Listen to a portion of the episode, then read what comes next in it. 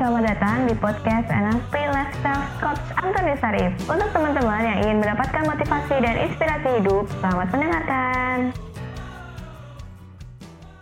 Halo teman-teman, kembali lagi di YouTube channel Panduan Hidup dengan NLP dengan saya Karin dan kali ini kita bakal bahas yang lagi hits banget, yang lagi ngetren banget gimana yang toxic hubungan itu kayak dimanipulasi, suka bohong itu apakah dibilang manipulasi atau enggak? Nah, nanti akan kita bahas sama Coach Arif, tapi sebelumnya kita simak yang berikut ini ya.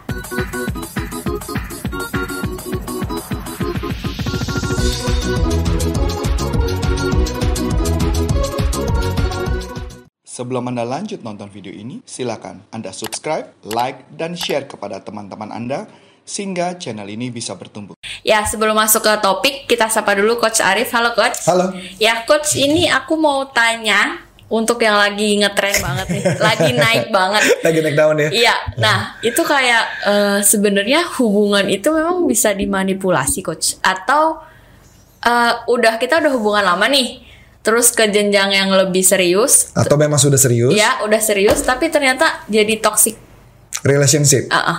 Oke, jadi gini, ini se- saya terus terang tertarik dengan topik-topik belakangan ini gitu ya, karena kebetulan mungkin saya juga dulu mungkin salah satu pelakunya gitu loh, yang melakukan kondisi itu. Jadi ketika mendengar berita-berita itu dan membaca berita-berita itu dan saya mencari tahu dari kedua belah pihak, jadi saya mulai ngerti sebenarnya ada apa gitu ya. Tapi mungkin mengerti dari sudut pandang opini saya melihat dari sudut luar. Tapi kalau di dalamnya seperti apa kita nggak tahu karena problem itu kan terjadi dari kedua belah pihak masing-masing, betul ya? Jadi mungkin saya mulai ngebahas dari satu sudut yang di awal dulu gitu ya mengenai toxic relationship. Toxic relationship kan karena kesannya beracun ya. Iya. Jadi kayaknya antara either suami yang beracun atau istri yang beracun gitu kan ya. Jadi dua-duanya sama-sama keracunan dan kemudian dua-duanya mati gitu.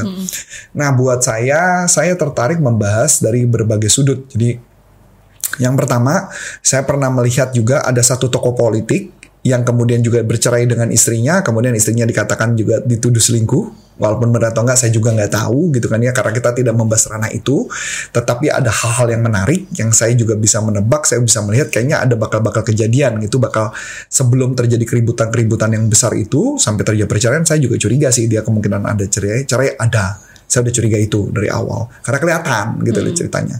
Nah yang kedua adalah tokoh yang sekarang lagi rame ini, yang belakangan lagi rame. Pasti juga anda udah tahu kita kan tahu nih ya, eh, lagi rame banget mengenai ribut-ribut. Katanya istrinya eh, sama orang yang kaya, punya mobil banyak dan sebagainya, dan kemudian ditinggal begitu saja. Dan dari pihak istrinya counter juga kan dengan tulisan macam-macam gitu loh ya. Dan kemudian saya juga melihat ada tokoh artis yang terkenal juga, kok saya ngelihatnya juga mirip-mirip gitu loh, kayaknya mirip-mirip banget gitu loh. Kayaknya hampir mirip-mirip ceritanya kayak gitu gitu loh. Jadi saya melihat kayaknya ini juga mirip-mirip ya, walaupun mungkin orangnya tidak merasa ditoksikin mungkin saya nggak tahu kan tergantung dari kedua belah pihak jadi sebenarnya menariknya kan gini Karin anggaplah kalau misalnya eh, kita suami istri, anggaplah. Jadi kalau saya mentoksikkan Karin dan Karin tidak merasa ditoksikkan, berarti Karin nggak merasa diracunin kan? Iya. Betul nggak? Berarti yang pengertian toksik itu adalah yang semua orang ngelihat atau kitanya sendiri ngerasa kok kayaknya gue dimanipulasi deh atau istilahnya gaslighting gitu ya, dimanipulasi, dibohongin. Tapi kalau nggak merasa kan nggak tahu ya. Setuju nggak Karin? Nah, kapan orang itu bisa tahu? Setelah terjadi keributan, betul nggak? Iya. Kayaknya terus mungkin teman-teman ngomong, eh lo tau nggak? Lo tuh di gaslighting, lo tau nggak? Lo dimanipulasi, eh kayaknya ini toxic loh, gitu betul nggak? Nah, jadi saya melihat faktor-faktor itu loh yang menarik sebenarnya yang mau dibahas gitu loh.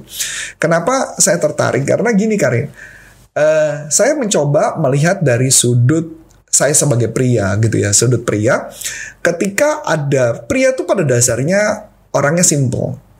Pria itu pada dasarnya ketika A ya A, ketika B ya B. Ya jadi ketika dia mengatakan sesuatu ya dia hanya mengatakan itu. Tetapi kadang pria tidak melihat atau pria pada dasarnya kurang empati terhadap pasangannya. Jadi kurang bisa mengerti. Karena pria pada dasarnya rata-rata maunya cepet. Nggak ada tuh cerita cowok yang nggak mau cepet tuh ada tapi mungkin jarang. Jarang. Kecuali pria itu kewanita-wanitaan biasanya kan gitu loh. Jadi pria maunya apa-apa tep tep tep tep cepet cepet maunya nggak bisa lama-lama tuh nggak bisa nah sedangkan wanita nggak begitu Karin kalau wanita yang setahu saya itu jarang yang bisa bilang mau cepet-cepet banget itu nggak bisa sih jarang kecuali wanita itu ke pria-priaan balik lagi gitu menurut saya jadi pada dasarnya wanita itu kalau misalnya saya ambil contoh ya, saya ingat banget waktu ketika terjadi dulu pertengkaran dengan pasangan saya, ketika terjadi keributan dan sebagainya, saya ribut-ribut dengan pasangan, istri saya sering ngomong gini, kamu sadar nggak? Kamu tuh berusaha memanipulasi saya. Saya bengong. Manipulasi? Iya, kamu manipulasi aku. Saya bingung. Karena kamu mau aku bikin bikinnya seakan-akan bahwa aku tuh bersalah, kamu yang paling benar.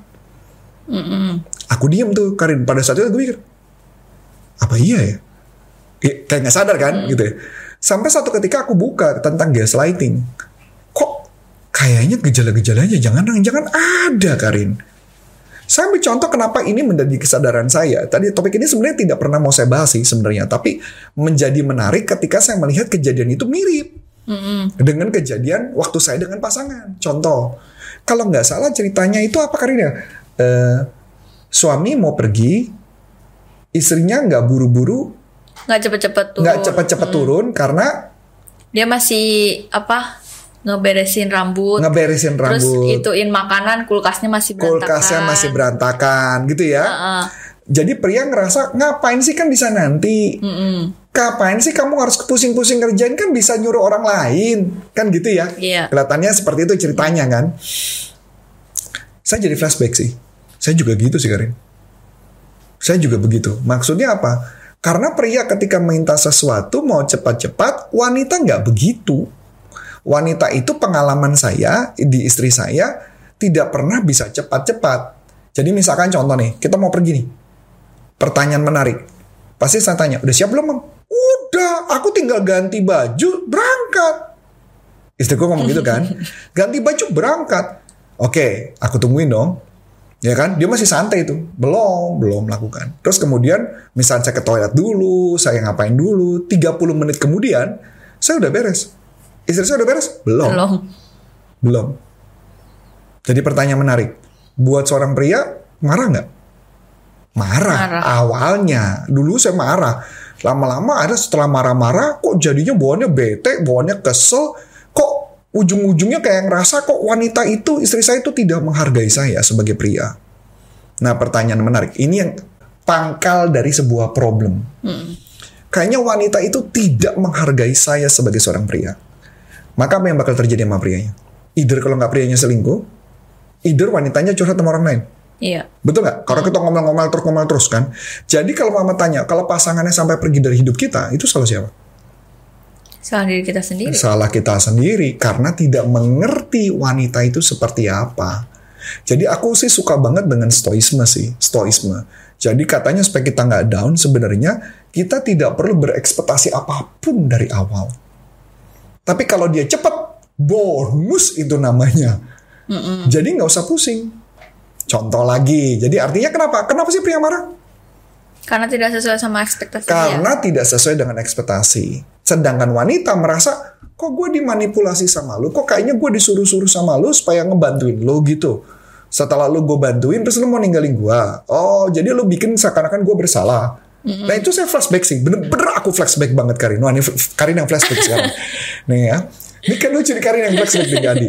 Jadi kalau aku ambil contohnya, aku lagi lagi ngomong sesuatu, aku lupa persis topiknya apa waktu itu di kamar, terus kemudian terjadi pertengkaran. Terus dia ngomong, Iya iya, aku yang salah. Aku yang salah kan? Iya kan? Kamu mau aku yang salah kan? Aku yang selalu salah. Gue flashback dong. Jadi gue bilang, iya maunya lo kan lo bener, lo manipulasi gue dan gue yang salah. Aku jadi mikir. Kalau dulu pada saat berantem, iya memang kamu yang salah kok kan gitu loh. Pria dengan egonya.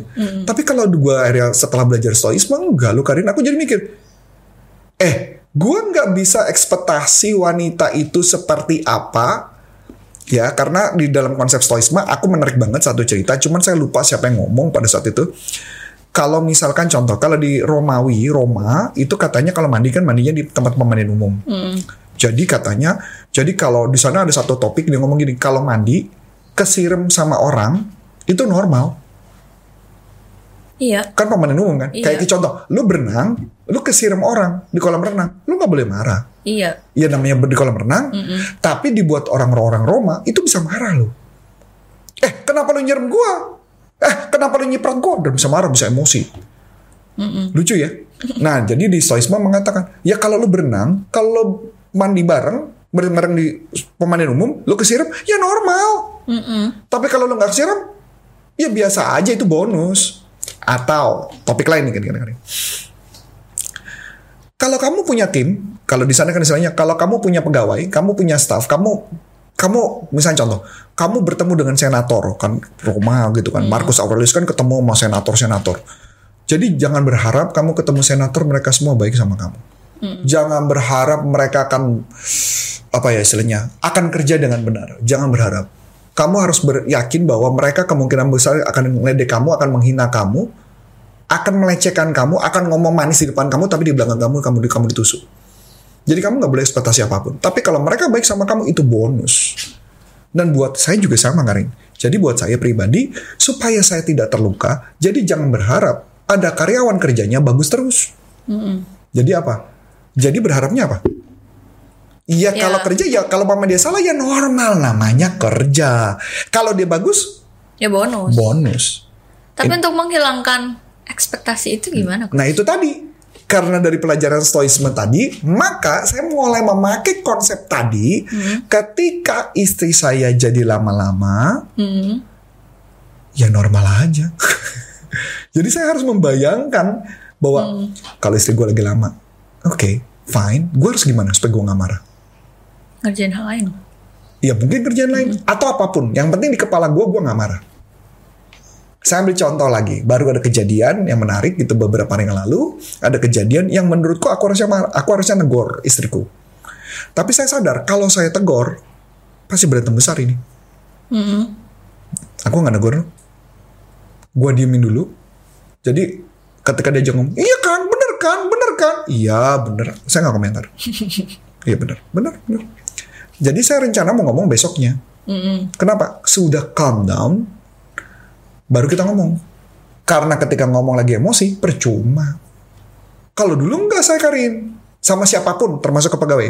Jadi kalau mama ada problem, lagi meledak, gua yang akan telepon. Gua yang akan beresin saat itu juga, tapi tambah meledak. Oke? Saya pembelajarannya nggak begitu. Karena pengalaman kalau tambah gitu, tambah kusut. Jadi kalau pertengkaran suami istri gimana? Jadi ketika misalkan contoh, jadi misalkan, yuk pergi, yuk, ayo pergi, ya udah. Terus aku cuma ngomong, aku di bawah ya. Iya iya, kamu di bawah. Berapa lama Karin? 10 menit, lupakan. Sejam. Sejam itu, itu baru benar-benar baru turun sejam. Dan saya tidak boleh ngomong cepat-cepat. Karena mirip dengan cerita yang kasus yang itu. Begitu cepat-cepat, nanti ada yang ketinggalan. Nanti ketinggalan, yang di sana siapa? Kamu sih Kamu cepet-cepet. sih yang menyuruh cepat-cepat. Berantem lagi nggak? Iya. Jadi enak nggak? Enggak.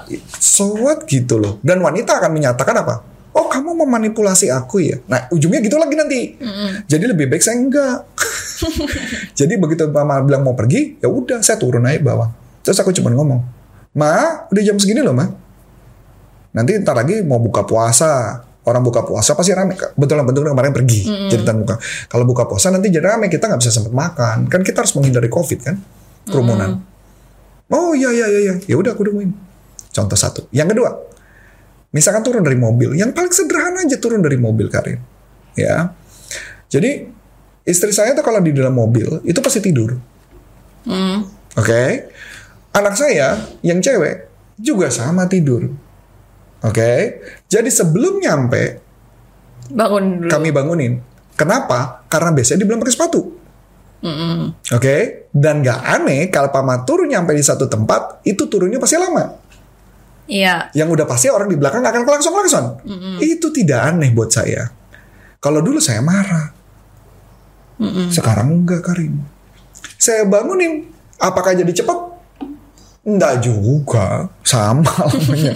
Tapi buat pertanyaan mereka kemarin ketika misalnya saya contoh saya pergi, kemudian dia turun, berapa menit dia turun dari mobil? Di atas 5 menit. Beneran sis, di atas 5 menit dia baru turun.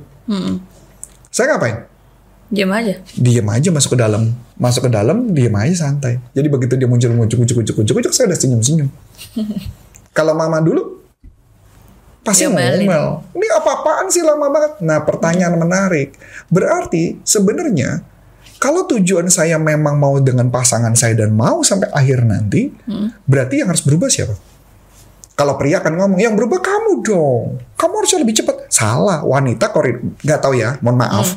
Wanita pada dasarnya memang seperti itu. Kalau cepat itu bonus dari kacamata saya. Ya mungkin nggak tahu ya Karin apakah bisa jadi debatable apa enggak, I don't know. Tapi buat saya pribadi adalah saya tidak mau melakukan pembenaran apa pun dalam hal ini. Jadi artinya kalau ada kondisi itu ya udah terima aja. Tapi bagaimana supaya saya sebagai pria tidak ngomel-ngomel? Karena saya pun juga ngomel-ngomel dulunya Karin.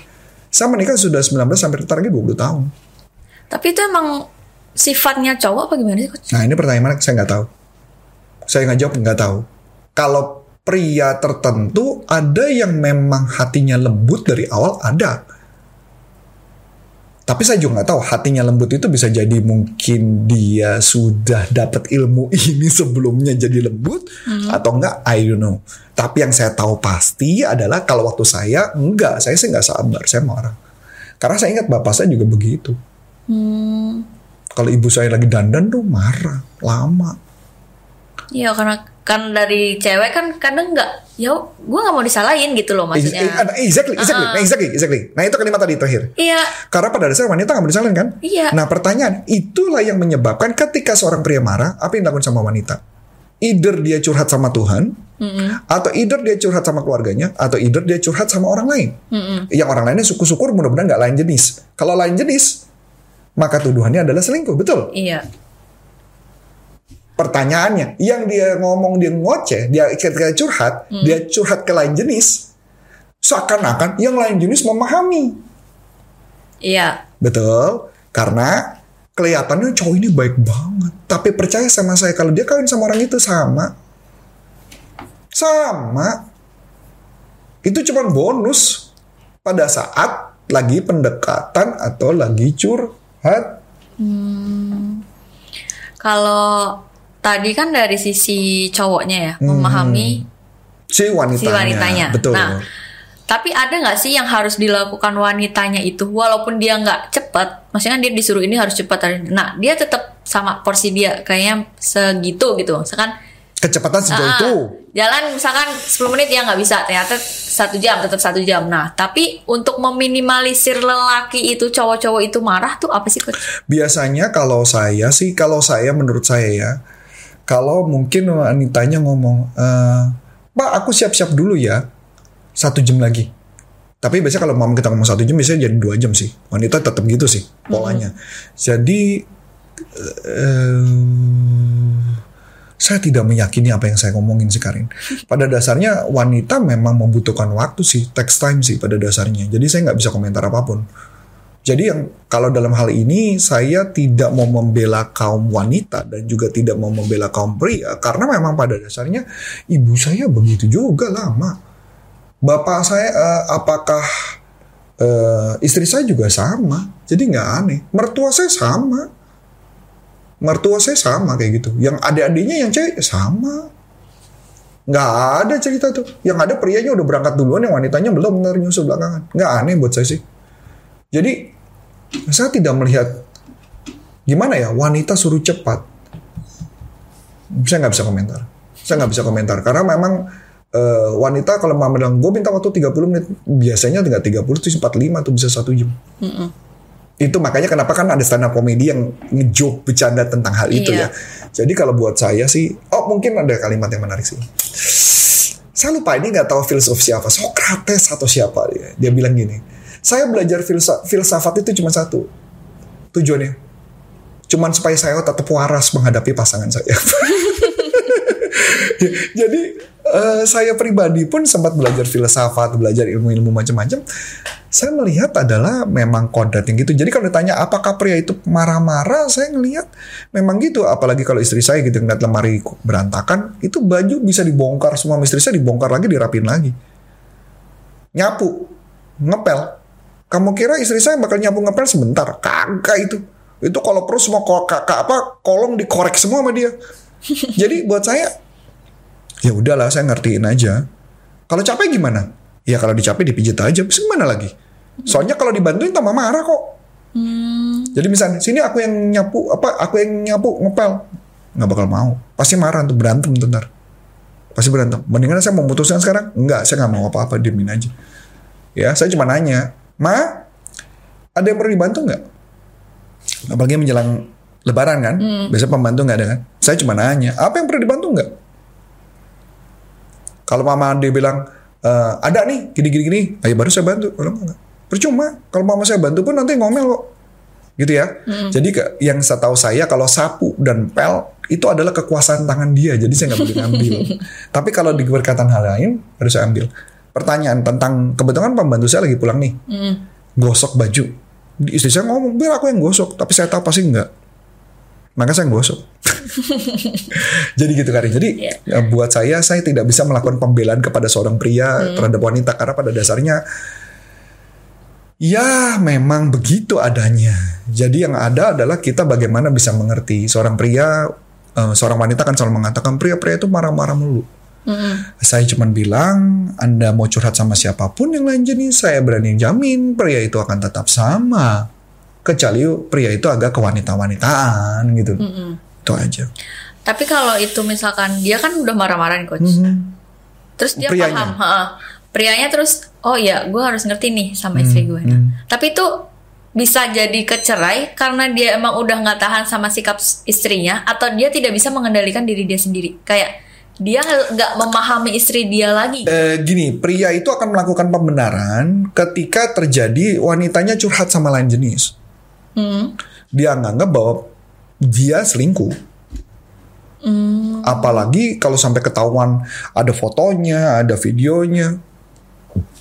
Itu pria-pria akan melakukan pembenaran. Apakah benar? Nggak ada yang tahu. Yang tahu mereka semua. Oke? Oke. Jadi kan gak ada yang tahu Karin apa yang mereka lakukan. Iya nggak?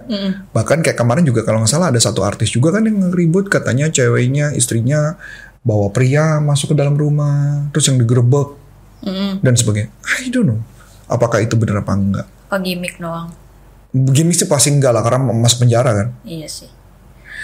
Tapi kalau kita nggak pernah tahu sih Karin. Maksud saya apakah selingkuh atau enggak? We don't know. We don't know. Tapi buat saya yang pasti adalah seorang pria itu idealnya adalah minimal dia tidak memahami istrinya ketika dia melakukan itu. Tapi gini loh ya, saya cuma mau ngomong juga teman-teman buat di YouTube ya. Bukan artinya seorang coach Arif juga adalah orang yang mengerti wanita. Tidak juga, karena dulu saya pun juga pernah terjerumus dalam hal itu yang membuat saya sempat ngaco hidup saya dan akhirnya saya sendiri balik ke kondisi yang menjadi jauh lebih baik sih. Saya bilang itu. Itu kan karena kita punya ilmu macam-macam kan. Ada teknik NLP, ilmu coaching dan sebagainya. Tapi bagaimana dengan orang yang nggak pernah belajar? Jadi perceraian sih bisa aja banyak kali. tapi tergantung diri kita sendiri. Tergantung prianya sih. Dalam hal konteks ini. Tapi kalau itu si wanitanya curhat sama lawan jenis nih misal, Hmm, dengan pria. Mm-mm, dengan pria lain, itu kan otomatis ada salah si suaminya dong coach. Kalau menurut saya ya, Nah, tapi kalau dia nyerang baliknya nyalahin ke su- ke istri itu kayak nggak sadar diri nggak sih coach? ya memang begitu pria. Saya ngomong apa adanya, emang pria begitu. Jadi dia nggak mau kalah. Memang pria begitu. Tapi untuk meminimalisir untuk kan belajar ya belajar bagaimana pria itu tidak marah-marah. Hmm. Pria itu mesti belajar bagaimana mengerti. Jadi jangan berharap dia berharapnya adalah wanitanya tuh seperti dia. Kalau mau menik kalau berharap wanitanya seperti dia, kawinlah sama sesama jenis. ya, walaupun saya nggak setuju ya, saya against ya, Iya. saya nggak setuju, saya nggak setuju. Tapi maksud saya, ya itu intinya itu. Jadi maksud saya, jadi kalau kita yang namanya sama lain jenis ya pasti begitu. Walaupun memang saya pernah nonton satu stand up komedi lucu gitu loh. Kata ada bercandaan begini. Aku mendingan menikah sama pria katanya pria ngomong gitu kan. Aku mendingan menikah sama pria. Kenapa? Ya enak katanya. Kalau pria tuh kalau tanya mau makan di mana? Misalkan gitu ya. Terserah. Makan misalkan nyebut satu merek ya di Burger King sama aku juga suka Burger King makan di Whopper yuk gampang kalau wanita mau makan di mana Terserah. terserah Burger King aku nggak suka burger betul nggak KFC aku lagi mau ngurusin badan kamu nggak sayang sama aku aku nggak mau makan ayam ayam kan gitu ya jadi makanya aku suka bilang mengatakan e, bersyukurlah ada food court karena food court diciptakan untuk wanita memang jadi maksudnya yang saya mau ngomongin bahwa dalam hal ini adalah eh, masuk bercandaan itu katanya kalau pria tuh gampang-gampang aja, kalau wanita tuh kayaknya ribet banget gitu. Iya. Ya cuman buat saya pribadi, ya itulah wanita. Ya makanya kalau pria mau menikah dengan wanita dan wanita menikah dengan pria, mohon maaf, saya against tentang itu. Kalaupun anda melakukan itu, itu urusan anda bukan urusan saya. Tapi buat saya adalah itu yang mau saya katakan. Jadi artinya Gimana caranya supaya pasangan mengerti? Pasangannya harus nonton film ini sih, menonton YouTube ini sih. Kalau saya bilang sih cuma nonton YouTube ini karena menurut saya eh, semua orang yang baik gitu ya dan sebagainya rata-rata adalah orang yang berempati yang tingkat tinggi sih. Kalau menurut saya, kalau nggak empati tingkat tinggi nggak bisa Karin. Menurut saya, menurut saya loh. Tapi ada tips untuk itu nggak coach? Misalkan nih, misalkan nih eh, cewek kan dia kalau kita udah tahu kejadian ini kan pasti dia kayak harus milih cowok yang bener-bener tepat untuk dia. Nah, adakah tips yang dari awal itu bisa bisa kelihatan cowok nanti bakal bentak-bentak, bakal nyalah-nyalahin kalau pas Ya kalau cari gitu. wanita yang agak pria yang kewanita-wanitaan sih biasanya bisa. Atau ya ketika pacaran, ketika pacaran maunya ngejar-ngejar buru-buru nggak? Buru-buru, ayo cepet dong. Nah kalau dia ngejar-ngejar itu, itu udah tanda-tanda tuh. Tapi kalau dia memanipulasi sikap dia, Selama pacaran sih logika manipulasi nggak akan bertahan. Kalau bisa, kalau mau cek ya, cara yang paling sederhana. Nah ini pertanyaan yang bagus sih. Pria itu kalau sudah terlalu capek, itu nggak bisa manipulasi. oh dia udah keluar diri dia yang sesungguhnya. Iya, misalkan contoh di pulang kerja nih capek banget nih, dia harus pergi nih. Itu pria biasanya nggak bisa manipulasi itu. Saya juga sama, kalau kondisinya lagi capek banget, itu menahan dirinya gila-gilaan itu. Makanya kayak kemarin kan nunggu istri saya lama, saya turun ke bawah saya ngosok. ya itu yang saya lakukan. Saya duduk di depan, lagi dengerin musik atau nonton film. Udah gitu aja sambil nungguin dia. Dia nggak turun-turun, ya biarin aja, saya nonton film aja. Oke. Saya cuma nanya paling, jadi nggak pergi? Jadi, tar dulu nih. Ah, ya udah berarti ntar, masih lama. Tapi kadang malah kalau cewek digituin marah-marah loh coach. Ya memang. Emang itu manusiawi ya? Masa marah-marah, Maksudnya entar dulu gitu kan? Hmm. Kayak eh, tadi kan nanya, jadi pergi nggak? Entar dulu sih kan lagi siap-siap gini-gini. iya. Malah ceweknya yang marah-marah. Oh. Iya, iya nggak apa-apa. Ya biarin aja marah-marah. Yang penting tap-tap aja. Ya udah gue tungguin. Gitu aja. Cuman jawabnya, iya ntar gue tungguin. Udah selesai.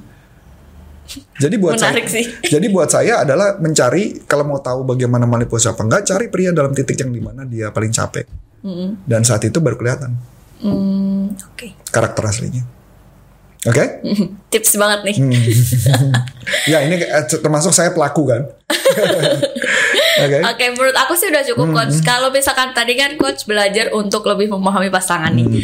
Kalau untuk mau belajar sama coach gimana sih? Nah, bisa masuk ke pelatihan motivasi.id dan bisa juga untuk pelatihan NLP bisa ke nlpleadershipindonesia.com. Di sana ada pelatihan tentang NLP bagaimana kita bisa menjadi berperilaku seperti apa yang kita inginkan supaya bisa terwujud seluruh impian. Iya.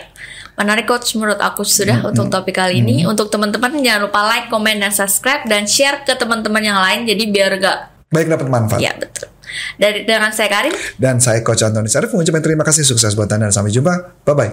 Nah, untuk teman-teman yang sudah menerangkan, terima kasih ya dan nantikan podcast selanjutnya.